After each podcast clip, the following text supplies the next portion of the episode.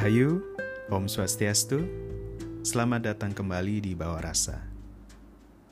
Dalam episode kali ini, saya akan melakukan rekaman ulang uh, sesi Space Talk yang saya lakukan kemarin uh, via Twitter pada tanggal 22 Juli 2021. Ternyata kemarin dalam sesi yang uh, saya lakukan tersebut ada kendala teknis yaitu dalam hal network. Uh, network yang saya pakai ternyata uh, sekitar 30-an menit sesi uh, tersebut tidak terekam.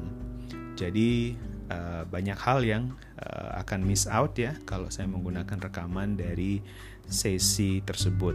Jadi saya putuskan untuk melakukan rekaman ulang sehingga apa yang saya sampaikan bisa sepenuhnya di uh, ter terekam gitu ya. Oke, jadi sudah tiga minggu ini di Space di Twitter Space saya uh, membahas tentang uh, tema besar uh, tema besar tentang Graha Rashipala. Graha Rashipala adalah uh, kombinasi antara Graha dan Rashi. Efek Eh, kombinasi tersebut seperti apa dan lain sebagainya itu dibahas secara umum di dalam uh, tema besar ini. Namun di dalam uh, tema tersebut ada berbagai macam hal, berbagai macam pernak-pernik yang perlu kita pahami sebelum kita bisa sepenuhnya uh, memahami uh, makna dari kombinasi uh, planet dan rasi. Nah, yang saya bahas kemarin uh, tepatnya adalah tentang planet dignity, dig, uh, dignity ya, planet dignity, atau yang saya terjemahkan sebagai uh, martabat suatu graha. Nah, martabat di sini dalam pengertian uh, derajat, kedudukan, kemudian juga kekuatan serta produktivitas dari graha tersebut. Karena apabila suatu graha uh, berada di rasi-rasi tertentu, maka uh, ia akan memiliki produktivitas uh, kemampuan yang berbeda-beda. Ya, nanti kita akan membahas uh, ada sembilan jenis uh, dignity atau martabat suatu graha, dan semuanya tergantung dari uh, beberapa faktor ya. Oke, kita langsung saja membahas yang pertama adalah yang disebut sebagai eksaltasi. Ini adalah uh, tingkat mungkin dikatakan martabat yang paling tinggi yang bisa dimiliki oleh suatu geraha. Dalam bahasa Sanskerta, eksaltasi ini disebut sebagai uca.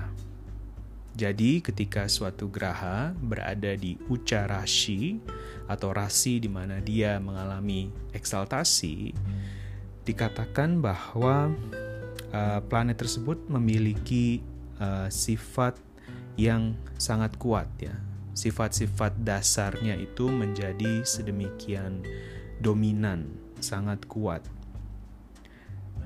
Bisa dikatakan juga bahwa apabila suatu geraha berada di ucarasinya, maka sifatnya akan menjadi uh, cenderung uh, kepada sifat maskulin dalam pengertian bahwa dia akan menjadi lebih uh, aktif dan agresif in a way. Uh, yang mengalami uca adalah sebagai berikut ya. Kalau matahari, dia ucarasinya adalah Aries ya yang dikuasai oleh Mars. Kemudian bulan dia mengalami uh, eksaltasi di tiga derajat pertama rasi uh, Taurus.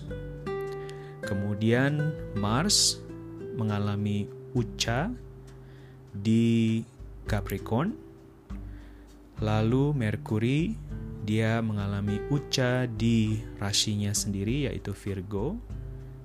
Lalu Jupiter mengalami uca di Cancer. Selanjutnya Venus dia eksaltasi di rasi milik Jupiter yaitu Pisces dan Saturnus mengalami uca di rasi milik Venus yaitu Libra.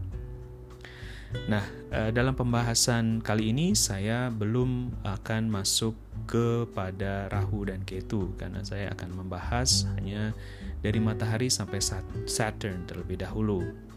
Untuk Rahu dan Ketu eh, sebenarnya ada berbagai ada beberapa pendapat yang berbeda-beda dan saya akan membahas uh, tentang Rahu dan Ketu ini secara lebih spesifik di dalam um, workshop yang akan saya uh, selenggarakan yang judulnya adalah Fundamentals of Nawagraha.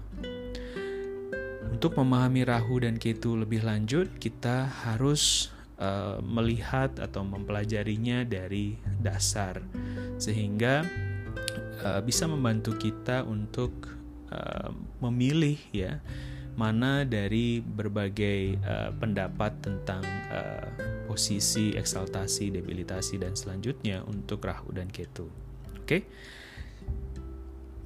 Selanjutnya uh, dikatakan bahwa planet yang mengalami eksaltasi itu dia capable of producing 100% of productive results. Artinya apa? Artinya bahwa suatu geraha yang sedang uca, dia akan mampu dengan sendirinya, ya, tanpa dia memerlukan support atau bantuan dari geraha yang lain untuk bisa uh, menghasilkan hal-hal yang terkait dengan uh, karaka yang dikuasainya baik itu karaka atau signifikasi naturalnya sendiri, si, si planet itu sendiri, atau karaka dari rumah-rumah yang dikuasainya. Ya, misalkan saja Mars ya di chart uh, uh, Aries Lagna misalnya, dia akan menguasai rumah pertama dan rumah kedelapan. Jadi kalau misalkan uh, Mars ini dia jatuhnya di chart tersebut di rumah ke-10 yaitu Capricorn di mana dia mengalami eksaltasi. Maka bisa dikatakan bahwa uh, Mars tersebut bisa menghasilkan uh, karaka-karaka yang uh, yang terkait dengan rumah satu dan rumah ke-8 uh, secara full, secara uh, penuh ya tanpa dia perlu untuk bergantung kepada uh, hal-hal uh, yang lain yang di luar dirinya sendiri. Nah, uh, ada pertanyaan yang disampaikan uh, lewat DM ya, lewat DM Twitter uh, dua minggu yang lalu, yang bertanya tentang uh, sebenarnya di antara dignities ini, eksaltasi, mula trikona dan lain sebagainya mana yang paling baik ya. Jadi kalau kita berbicara tentang uh, Vedic astrology, uh, sebaiknya kita tidak uh, apa ya, tidak tidak berbicara tentang uh, segala sesuatu yang hitam dan putih gitu. Karena uh, ketika planet itu mengalami eksaltasi bukan berarti bahwa uh, semuanya akan baik-baik saja, semuanya akan hunky-dory gitu ya, semuanya akan uh, uh, luar biasa atau uh, bersinar cemerlang. Tidak, tidak seperti itu. Nah, kita perlu uh, memahami bahwa segala sesuatu yang mungkin tampaknya bersinar atau uh, apa namanya uh, terang benderang pasti ada, akan ada bagian yang gelap ya, akan ada bayangan yang terbentuk dari cahaya tersebut. Misalnya saja, eksaltasi ini bisa diibaratkan seperti seorang uh, selebritas, seorang influencer zaman sekarang ini banyak banget ya influencer atau orang-orang yang uh, ya terkenal kaya uh, kemudian mungkin uh, ganteng atau cantik gitu ya. Nah, mereka-mereka ini para artis biasanya atau mungkin orang-orang yang uh, ya yang sering nongol di TV gitu ya. Mereka ini kalau dari luar kita melihatnya luar biasa. Kita banyak orang ingin seperti mereka gitu ya. Ingin populer seperti mereka kaya seperti mereka uh, ingin punya banyak penggemar seperti mereka dan sebagainya nah uh, mereka mereka ini pasti memiliki sesuatu karma dari masa lalu yang membuat mereka bisa memetik uh, buah karma yang uh, tampak manis dan uh, menggiurkan bagi kebanyakan orang. Namun eksaltasi ini tentu akan membuat suatu permasalahan baru ya, seperti tadi ya ibaratnya uh, sinar lampu atau cahaya gitu ya, dia pasti akan menciptakan bayangan. Nah, bisa saja uh, dan sering kali kita baca, kita dengar gitu ya, eh, mereka-mereka ini yang um, memiliki tampaknya memiliki segala-galanya, sering kali malah jatuh dalam depresi atau tidak sedikit dari mereka yang bahkan uh, mungkin bunuh diri gitu ya, karena uh, merasa uh, tidak puas atau belum puas dengan apa yang uh, dimilikinya. Padahal buat orang lain, buat kita-kita yang awam ini, kita memandang bahwa mereka uh, pasti akan bahagia karena memiliki segalanya. Nah, demikian halnya dengan planet yang mengalami eksaltasi. Kita bisa uh, mengibaratkannya seperti itu, bahwa dia mampu untuk memproduksi sesuatu. Uh, kalau dari sudut pandang uh, rumah yang dikuasainya, ya bagus bahwa rumah-rumah tersebut pasti akan uh, istilahnya akan kuat dan juga uh, pasti akan mampu untuk berproduksi secara optimal, secara maksimal bahkan bisa dikatakan.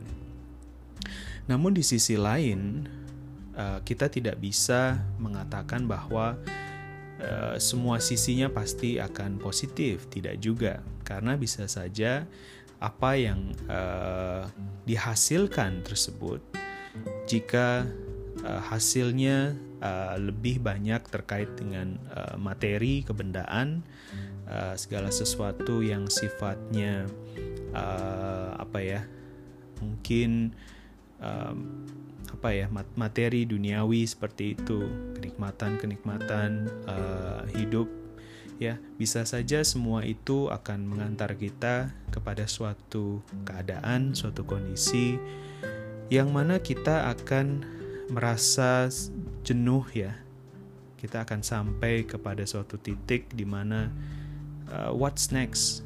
Habis ini apa? Setelah ini apa? Apa ada hal yang lain lagi?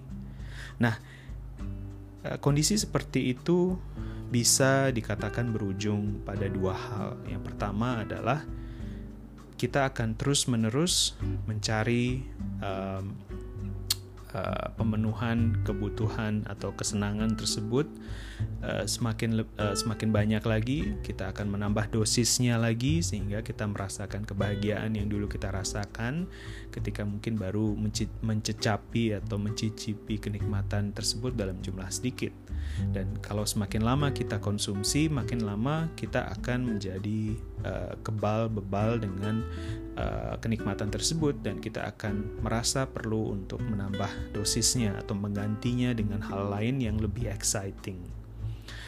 Nah, itu uh, tentu saja akan menjadi semacam uh, apa ya bumerang gitu ya. Semakin banyak kita kejar, semakin tidak puas kita dan semakin tidak puas kita, maka uh, kebahagia ketidakbahagiaan akan semakin tinggi.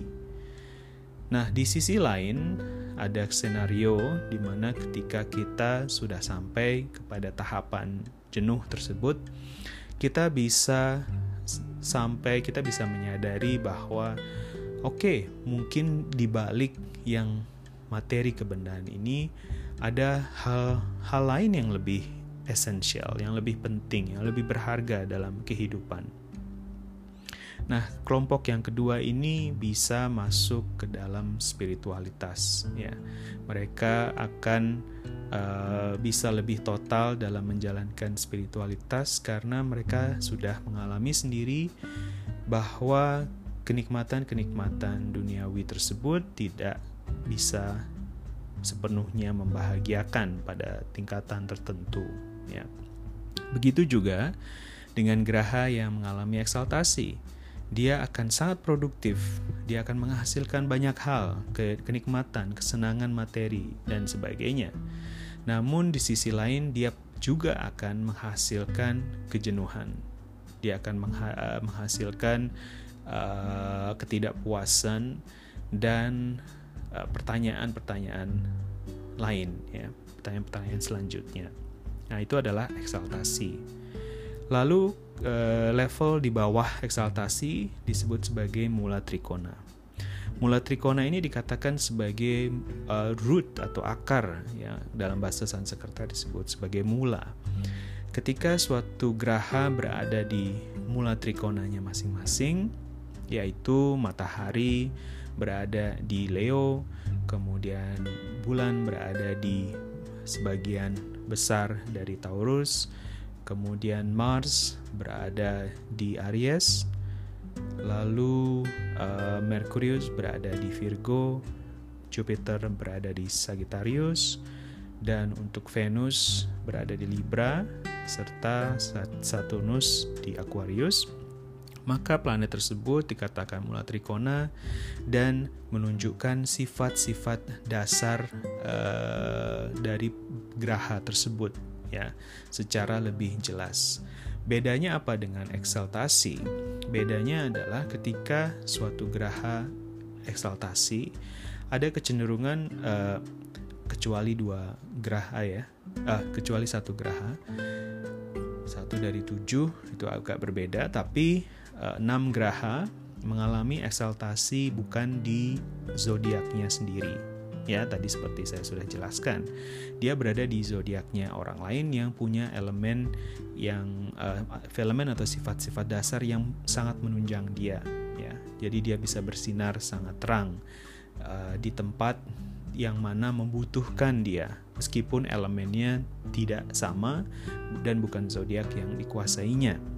Ini sama halnya dengan seseorang yang uh, misalkan kita suka nih sama orang lain ya dan ketika kalau kita suka sama orang itu sering kali kita berusaha untuk menunjukkan kehebatan kita ya menunjukkan uh, memamerkan diri di di hadapan orang lain Nah, itulah itu sama dengan eksaltasi. Sedangkan kalau mula trikona itu adalah ketika kita berada di tempat kita sendiri. Kita tidak perlu atau kita tidak sedang menyenang-nyenangkan orang lain atau uh, tampak lebih uh, hebat ya dari orang lain atau uh, ingin berusaha menonjol dan sebagainya. Tapi kita lebih kepada seperti kita di habitat kita sendiri gitu ya. Uh, oleh karena itu kebanyakan uh, dari mula trikona ini ya kecuali satu kecuali bulan mereka mengalami mula trikona di rasinya sendiri dan terutama di uh, rasi yang apa tergolong maskulin ya. Dan di situ dia akan menjadi aktif tentu saja karena rasi maskulin ini terkait dengan uh, apa ya uh, aktivitas kekuatan kerja dan sebagainya di mana dia seperti uh, kalau kita bayangkan adalah seseorang yang bekerja di bidang di mana dia punya passion yang khusus di situ. Kalau kita perhatikan ya orang-orang seperti itu mereka pasti akan memberikan uh, 110% ya, dari kemampuannya untuk uh, bekerja di situ. Jadi sama dengan eksaltasi ya, mula trikona ini geraha yang ada di mula trikona pasti akan memberikan hasil yang luar biasa ya, yang luar biasa di mana dia akan mengerjakan sesuatu yang dia sukai ya.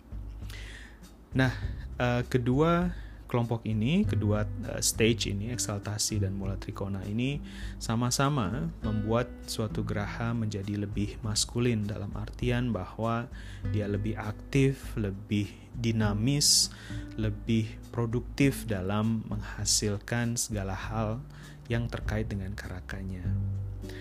Kalau di eksaltasi tadi uh, hasilnya 100% uh, productive atau auspicious result, kalau di mula trikona itu hasilnya 75% produktif atau uh, apa namanya auspicious result. Kemudian eh, di level nomor 3 di bawah mula trikona ada yang disebut sebagai swarashi atau rashi sendiri.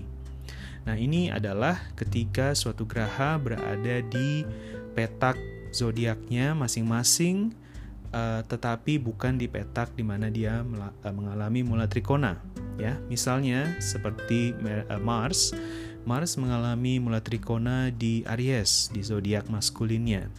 Namun ketika uh, Mars ini berada di uh, Scorpio yang juga dikuasainya, uh, dia mengal dia disebut sebagai sedang berada di swakshetra uh, atau swarashi atau di zodiaknya sendiri. Nah, ini adalah tipe kekuatan atau derajat martabat kedudukan nomor tiga. Nah, di sini geraha tersebut masih juga bisa dikatakan kuat ya, very strong. Uh, tetapi dia tidak se dominan, tidak seaktif ketika berada di mula trikonanya. Dan dikatakan bahwa uh, graha tersebut akan meng, apa namanya akan memberikan uh, sekitar 50% produktif atau auspicious results ya. Nah, Lalu 50% ini apa gitu ya. Nah, 50% ini adalah faktor-faktor dari luar. Kalau misalkan dia ada di own rashi, dia sudah bisa istilahnya berdiri uh, sendiri dengan 50% tersebut. Tetapi kalau misalkan ada uh, support tambahan ya, dia memperoleh uh, poin-poin tambahan, misalnya dia berada di uh, rumah yang auspicious ya misalkan di rumah nomor 9, rumah nomor 5 atau rumah nomor 10 misalkan untuk Mars maka dia akan mendapatkan uh, ekstra poin. Dia akan lebih dari 50% tersebut. Atau apabila uh, ada aspek atau pengaruh uh, dari geraha lain ya yang mensupport dia yang memberikan uh, auspicious results tambahan maka itu akan uh, lebih uh, lebih tinggi lagi dari 50% tadi.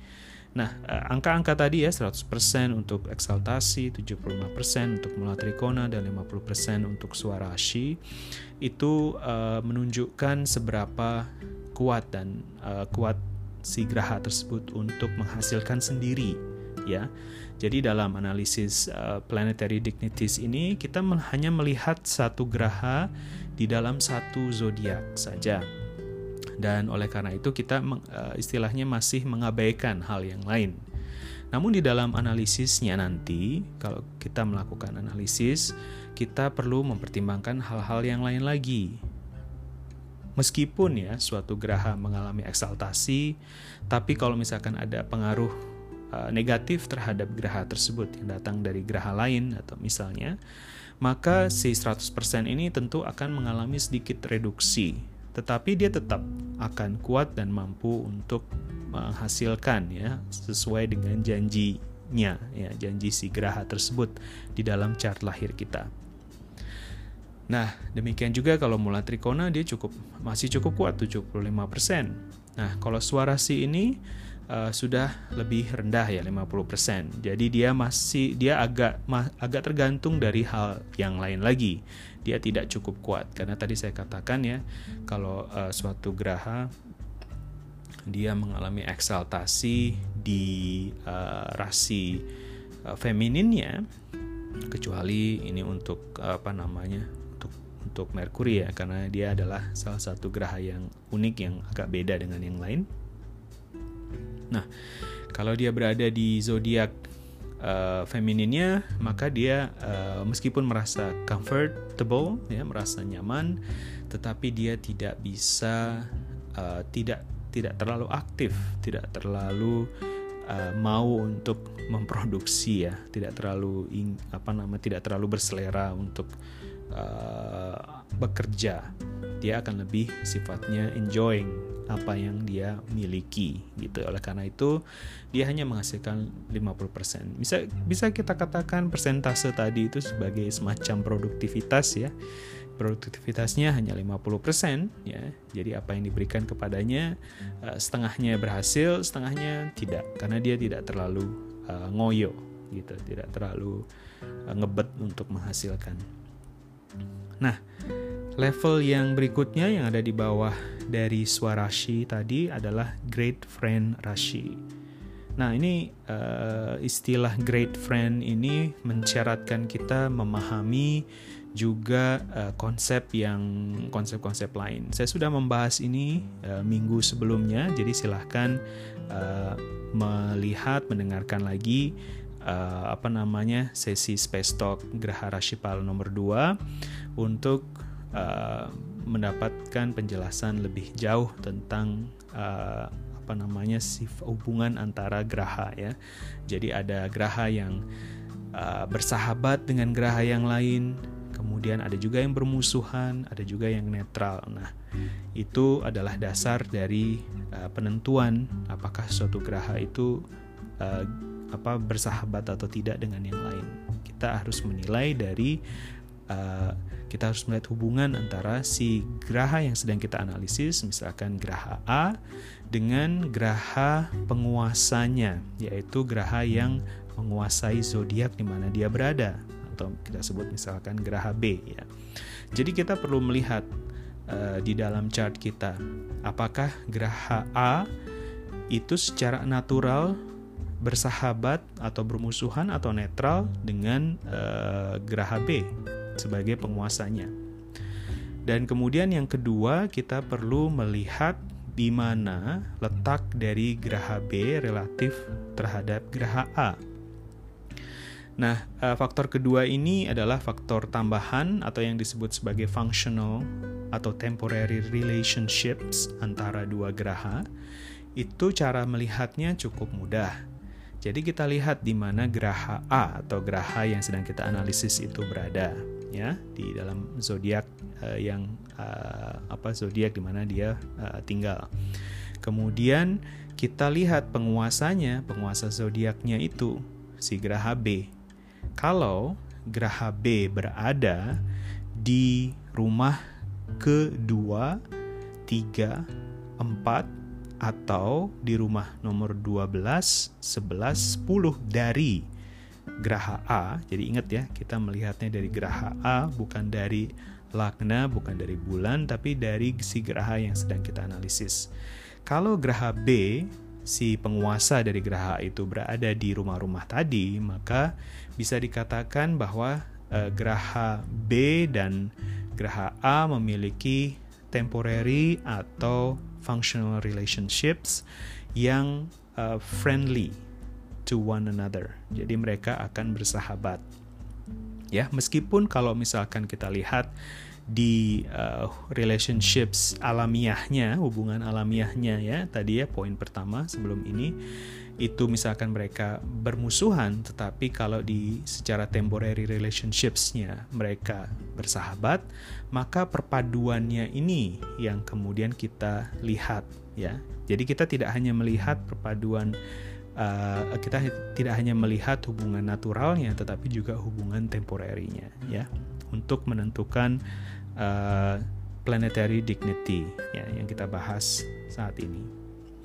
Jadi kalau geraha suatu geraha itu bersahabat secara alamiah dan secara temporary atau functional juga bersahabat dengan si geraha penguasanya, maka dikatakan dia sedang berada di great friend Rashi.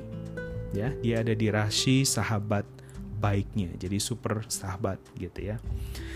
Ini adalah level keempat dan dikatakan jika suatu geraha berada di rasi milik sahabat baiknya, dia mampu memproduksi uh, auspicious result sebesar 37 hampir 37 persen atau 36,67 persen ya ada angkanya gitu 22 per uh, 60 uh, hitungan dari uh, Vedic astrology-nya.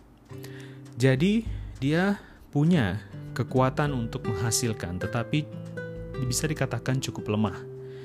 Apabila ada faktor luar yang negatif, yang istilahnya mengcancel kekuatan dari geraha A tadi, maka dia bisa dengan cukup mudah terjatuh dan karaka dan rumah-rumah yang dikuasainya menjadi tidak produktif. Tapi sebaliknya kalau ada uh, efek pengaruh yang baik, maka dia akan cukup mudah untuk uh, memproduksi hal-hal yang terkait dengan uh, karaka yang dikuasai oleh planet tersebut. Di bawah Great Friend Rashi ada Friend Friends Rashi atau Mitra Rashi. Uh, ini adalah perpaduan antara hubungan natural yang uh, entah itu misalkan bersahabat tetapi secara temporal uh, temporary dia uh, bermusuhan. Itu kan menjadi netral. Atau sebaliknya secara natural dia uh, bermusuhan tetapi temporary temporarily dia bersahabat. Itu juga menjadi netral. Atau dalam hubungan naturalnya dia netral tapi di dalam hubungan uh, temporerinya dia bersahabat atau bermusuhan. Itu juga menjadi uh, apa namanya bisa bisa mendekati uh, sifat dari neutral rashi tersebut ya. Nah di dalam uh, neutral rashi itu sanggraha bisa dikatakan out of sync with its natural qualities but not to the extent of being damage. Jadi dia apa ya ada ada ketidakharmonisan ya ketidakseimbangan dari si graha tersebut. Dia kesulitan mengalami apa namanya dia mengalami kesulitan untuk tumbuh tetapi di sisi lain juga tidak rusak juga gitu ya. Jadi dalam kondisi setengah apa namanya uh, mediocre gitu ya. Dia tidak bagus tidak juga jelek gitu. Itu adalah geraha yang berada di neutral rashi Nah, oh sebelumnya saya belum membahas tentang Friends Rashi ya. Kalau Friends Rashi tadi, dia capable of producing 25% of auspicious results.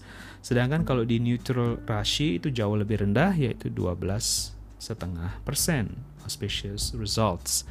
Nah, uh, kita kita lihat ya bersama-sama ketika dia berada di Friends Rashi, dia cukup lemah hanya seperempat saja kemampuannya untuk bisa memproduksi dan dia sangat tergantung dari hal-hal yang lain ya apalagi di neutral rashi di mana dia tidak mendapat support tapi juga tidak uh, dibully tidak menerima apa unsur negatif oke okay? lalu selanjutnya di nomor 7 di level nomor 7 ada enemy rashi yaitu ketika suatu graha berada di rasi milik musuhnya tapi mungkin temporarily uh, netral gitu ya dia bisa jatuh ke enemy rashi. Di sana geraha tersebut bisa menjadi out of tune and operating without uh, oh sorry with a handicap ya. Yeah, not able to operate in its natural manner. Jadi dia bisa out of tune dia tidak sama sekali terganggu gitu ya. Dia tidak tidak bisa menjadi dirinya sendiri. Lalu bahkan bisa dikatakan uh, operating with a handicap ya. Ada ada kelemahan tertentu ada kecacatan tertentu ketidakmampuan tertentu yang membatasi pergerakannya.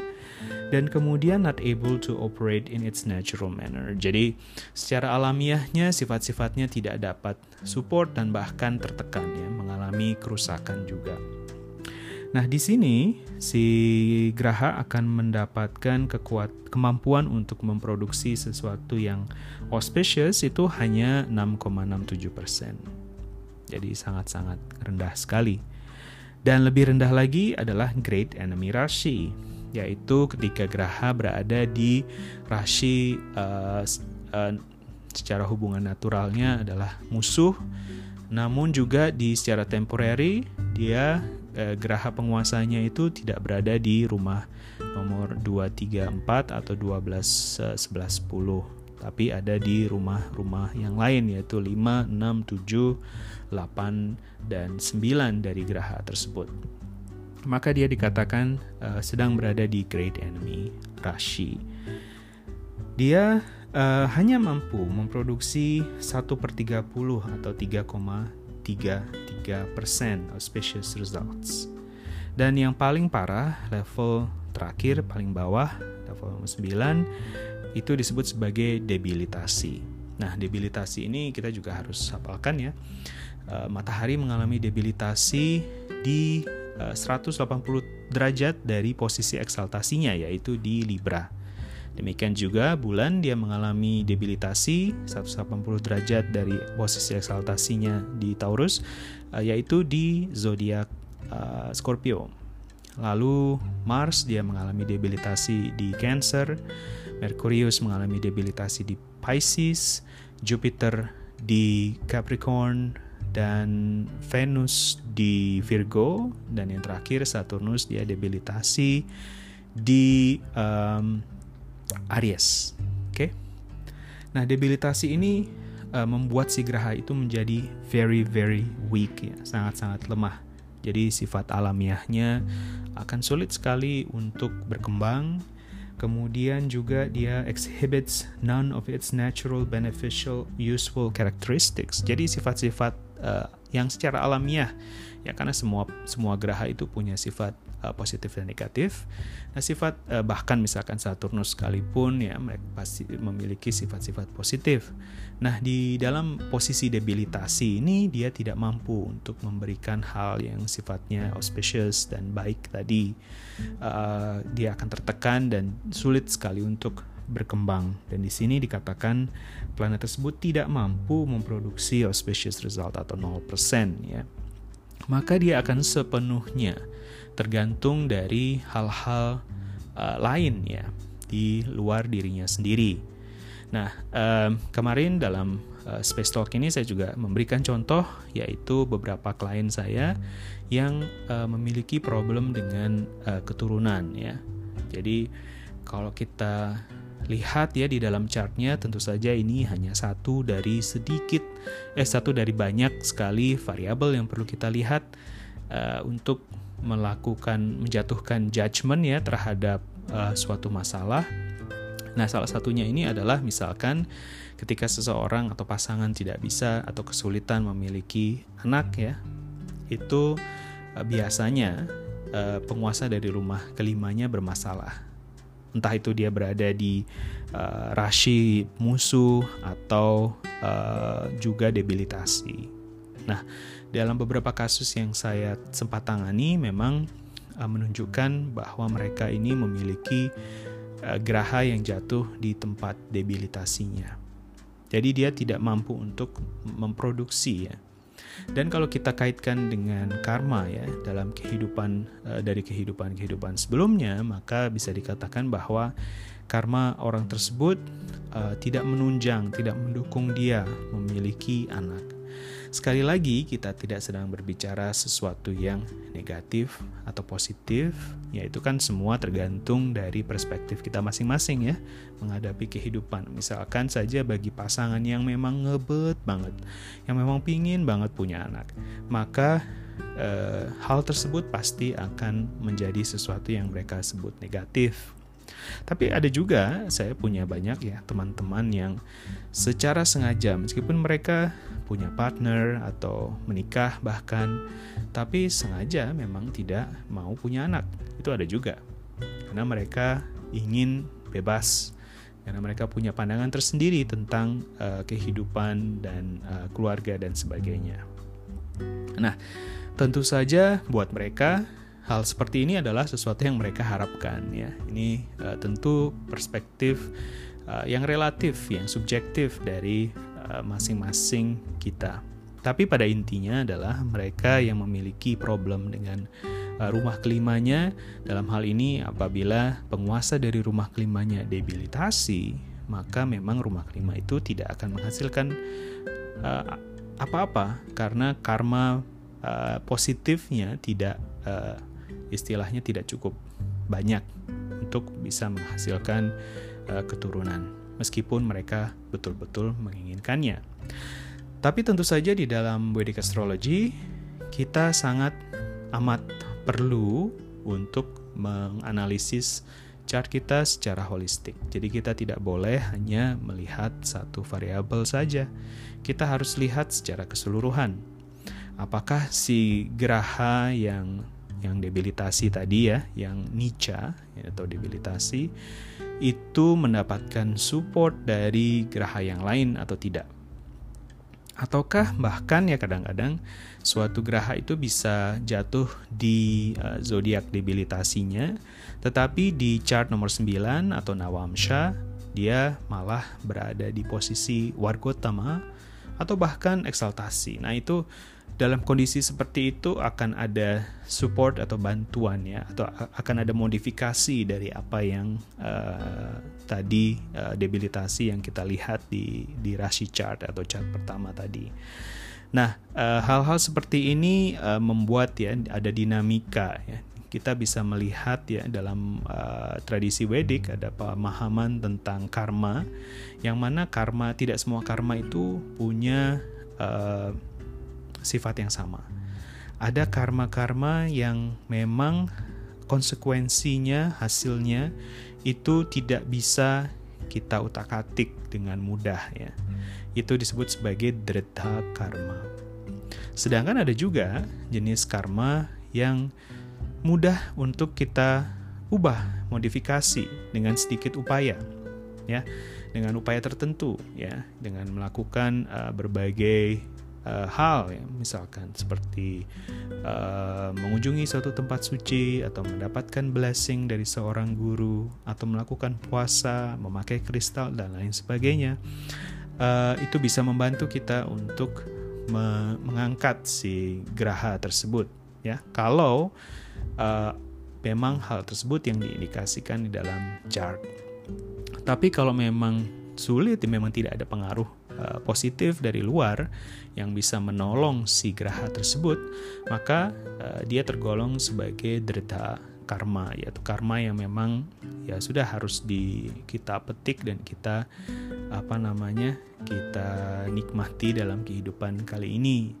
Ada juga yang campuran dari kedua sifat tadi yaitu derita-derita yaitu campuran bisa uh, ada hal-hal yang sifatnya uh, keras sulit diubah dan ada hal-hal yang lebih bisa mudah diubah. Nah, semua itu perlu kita uh, pahami ya. Jadi kalau kita menganalisis chart kita, coba perhatikan satu-satu ya. Uh, setiap planet ya. Tujuh planet terutama yang sebagaimana kita bahas pada hari ini, kita lihat satu-satu. Dia berada di mana? Dia apakah di Mula Trikona, Great Friend, Rashi atau Great Enemy Rashi dan seterusnya. Lihat satu persatu dan perhatikan juga uh, karaka natural maupun uh, tatkalika atau apa namanya temporer tergantung dari chart masing-masing di mana dia uh, yang dikuasainya ya. Kita akan lihat, kita akan bisa relatively mudah untuk melakukan judgement di mana uh, apakah hal-hal tertentu bisa uh, dihasilkan dalam kehidupan kali ini dengan mudah atau tidak. Oke, okay? jadi ini cukup penting, sederhana tapi cukup penting. Salah satu faktor yang memang uh, harus kita selalu lihat ketika melakukan analisis chart ya. Cukup mudah, yang perlu, yang mungkin agak sulit adalah menghafalkan uh, apa ya hubungan antar planet uh, ya kawan musuh netral kemudian juga menghafalkan uh, posisi mula trikona debilitasi gitu dan eksaltasi setiap planet. Uh, dan posisi uh, posisi tersebut ya terutama untuk debilitasi mula trikona dan eksaltasi itu juga ada derajat khusus ya. Jadi ada derajat uh, tertentu. Jadi bukan hanya sepanjang semua dari zodiak tersebut itu uh, misalkan matahari dia mengalami eksaltasi di suatu derajat tertentu 10 derajat Aries misalnya. Dan itu dia akan mengalami puncak eksaltasinya di sana. Tetapi kalau dia berada di titik yang lain ia tidak sekuat eksaltasi uh, tersebut. Dia sudah mulai uh, sudah lebih rendah daripada puncak eksaltasinya. Nah derajat itu juga perlu diingat, dihafal. Meskipun mungkin sekarang kalau kita menggunakan uh, apa namanya software-software modern, kita dengan sangat mudah bisa melihat ya, melihat uh, hubungan tersebut. Oke, jadi itu saja sepertinya yang bisa saya sampaikan. Kemudian juga bagi kawan eh, kawan-kawan yang tertarik dengan astrologi, khususnya Vedic Astrology, silakan subscribe uh, Bawa Rasa. Dan setiap minggunya saya akan memberikan sharing-sharing uh, yang menarik terkait dengan Vedic Astrology baik itu yang sifatnya edukasi misalkan seperti uh, ini ya kita belajar bersama tentang Vedic astrology atau juga yang mungkin sifatnya lebih prediktif uh, yang terkait dengan uh, kondisi keadaan yang akan kita hadapi uh, mungkin sebulan atau setahun ke depan dan lain sebagainya. Jadi stay tune, subscribe, uh, kalau bisa komen atau like uh, channel ini dan semoga kita bisa ketemu di kesempatan selanjutnya dan kita bisa ngobrol bareng bersa apa namanya diskusi bareng belajar bersama-sama. Oke, semoga kita tetap sehat. Sampai ketemu di episode selanjutnya. Bye bye.